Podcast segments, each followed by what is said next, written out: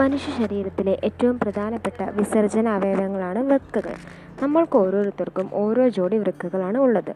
ഉദരത്തിനകത്ത് നട്ടലിന്റെ ഇരുഭാഗത്തുമായി സ്ഥിതി ചെയ്യുന്ന ഈ അവയവങ്ങൾക്ക് നൂറ്റിയമ്പത് ഗ്രാം തൂക്കമുണ്ട്. നമ്മുടെ ശരീരത്തിലെ മാലിന്യങ്ങളെ മൂത്രത്തിലൂടെ പുറന്തള്ളുക എന്നതാണ് വൃക്കകളുടെ പ്രധാന ധർമ്മം.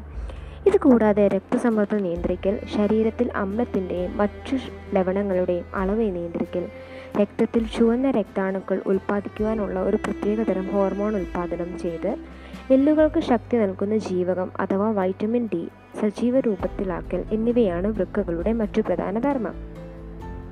ഇന്ന് വൃക്ക രോഗികളുടെ എണ്ണം വളരെയധികം കൂടി വരികയാണ്. ഈ വൃക്ക രോഗികളുടെ പ്രത്യേകത എന്തെന്നാൽ രോഗലക്ഷണം വളരെ ലഘുവായിരിക്കും. ഇതിന്റെ പ്രധാനപ്പെട്ട കാരണം എന്ന് പറയുന്നത് ശരീരത്തിൽ ബാധിക്കുന്ന അസുഖങ്ങൾ.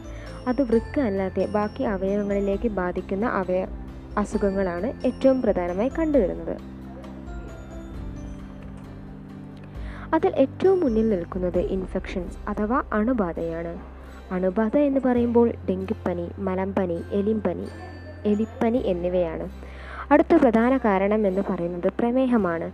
ഈ പ്രമേഹം ഒരുപാട് ആളുകളിൽ നമ്മൾ നിയന്ത്രി പ്രമേഹം ഒരുപാട് നാളുകൾ നമ്മൾ നിയന്ത്രിക്കാതെ വെച്ചാൽ ശരീരത്തിലെ ഓരോ അവയവങ്ങളും കേടുവരും.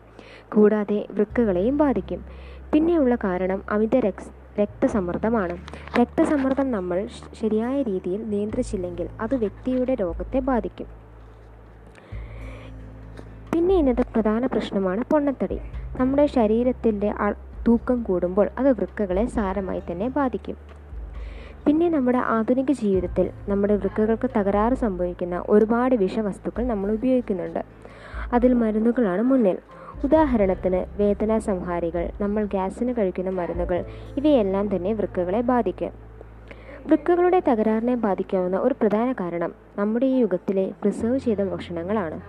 കെ എഫ് സി പോലെയുള്ള പ്രോസസ് ചെയ്ത ഇറ ഇറച്ചി പദാർത്ഥങ്ങളുടെ ഉപയോഗം നമ്മുടെ വൃക്കകളെ കാര്യമായി ബാധിക്കുന്നുണ്ട്. ഇവയൊക്കെ വൃക്കകളുടെ വിസർജന പ്രക്രിയയെ ബാധിക്കുന്നു. വൃക്കകൾക്ക് സ്തംഭനമുണ്ടാകുമ്പോൾ അവയുടെ പ്രവർത്തനങ്ങൾ എല്ലാം തന്നെ നിലച്ചു പോവുകയാണ്. ഇങ്ങനെയുള്ള രോഗികൾക്ക് മുഖത്തും കാലുകളിലും നീർക്കെട്ടുണ്ടാവുക വിശപ്പില്ലായ്മ ഛർദി ക്ഷീണം എന്നീ രോഗലക്ഷണങ്ങൾ കണ്ടുവരുന്നു. ഇത് കൂടാതെ രക്താതിസമ്മർദ്ദം വൃക്കരോഗത്തിന്റെ ഒരു പ്രധാന ലക്ഷണമാണ്. വൃക്കരോഗം ഉള്ള ഒരു വ്യക്തിക്ക് ആദ്യകാലങ്ങളിൽ ഭക്ഷണക്രമം നിയന്ത്രിച്ചുകൊണ്ടു തന്നെ മരുന്നുകൾ കൊണ്ടും ചികിത്സിച്ചാൽ വളരെയേറെ ആശ്വാസം ലഭിക്കുന്ന ഒന്നാണ്. കുറച്ചു കാലങ്ങൾക്ക് ശേഷം ഈ വൃക്കകളുടെ രോഗം പുരോഗമിച്ചു കഴിഞ്ഞാൽ വൃക്കസ്തംഭനം അല്ലെങ്കിൽ കിഡ്നി ഫെയിലിയർ എന്ന അവസ്ഥയിലേക്ക് മാറും. വൃക്കസ്തംഭനം രണ്ട് തരമുണ്ട്.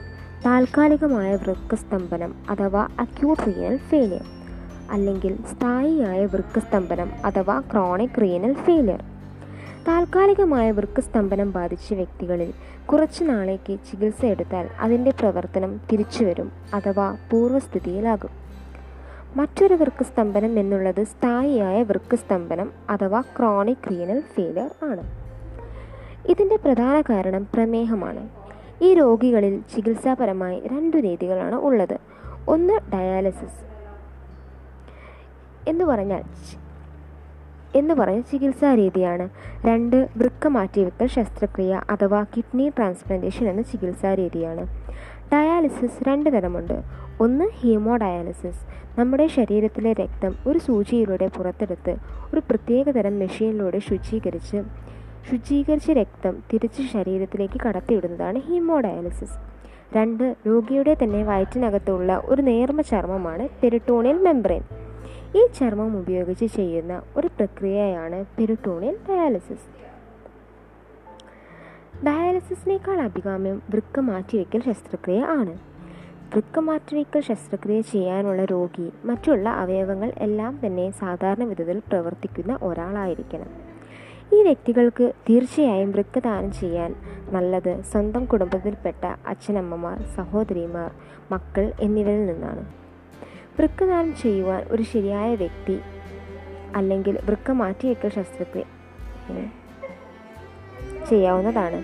ഈ ശസ്ത്രക്രിയയ്ക്ക് ഏകദേശം നാല് മുതൽ ആറ് ആറ് മണിക്കൂർ വരെ സമയമെടുക്കും.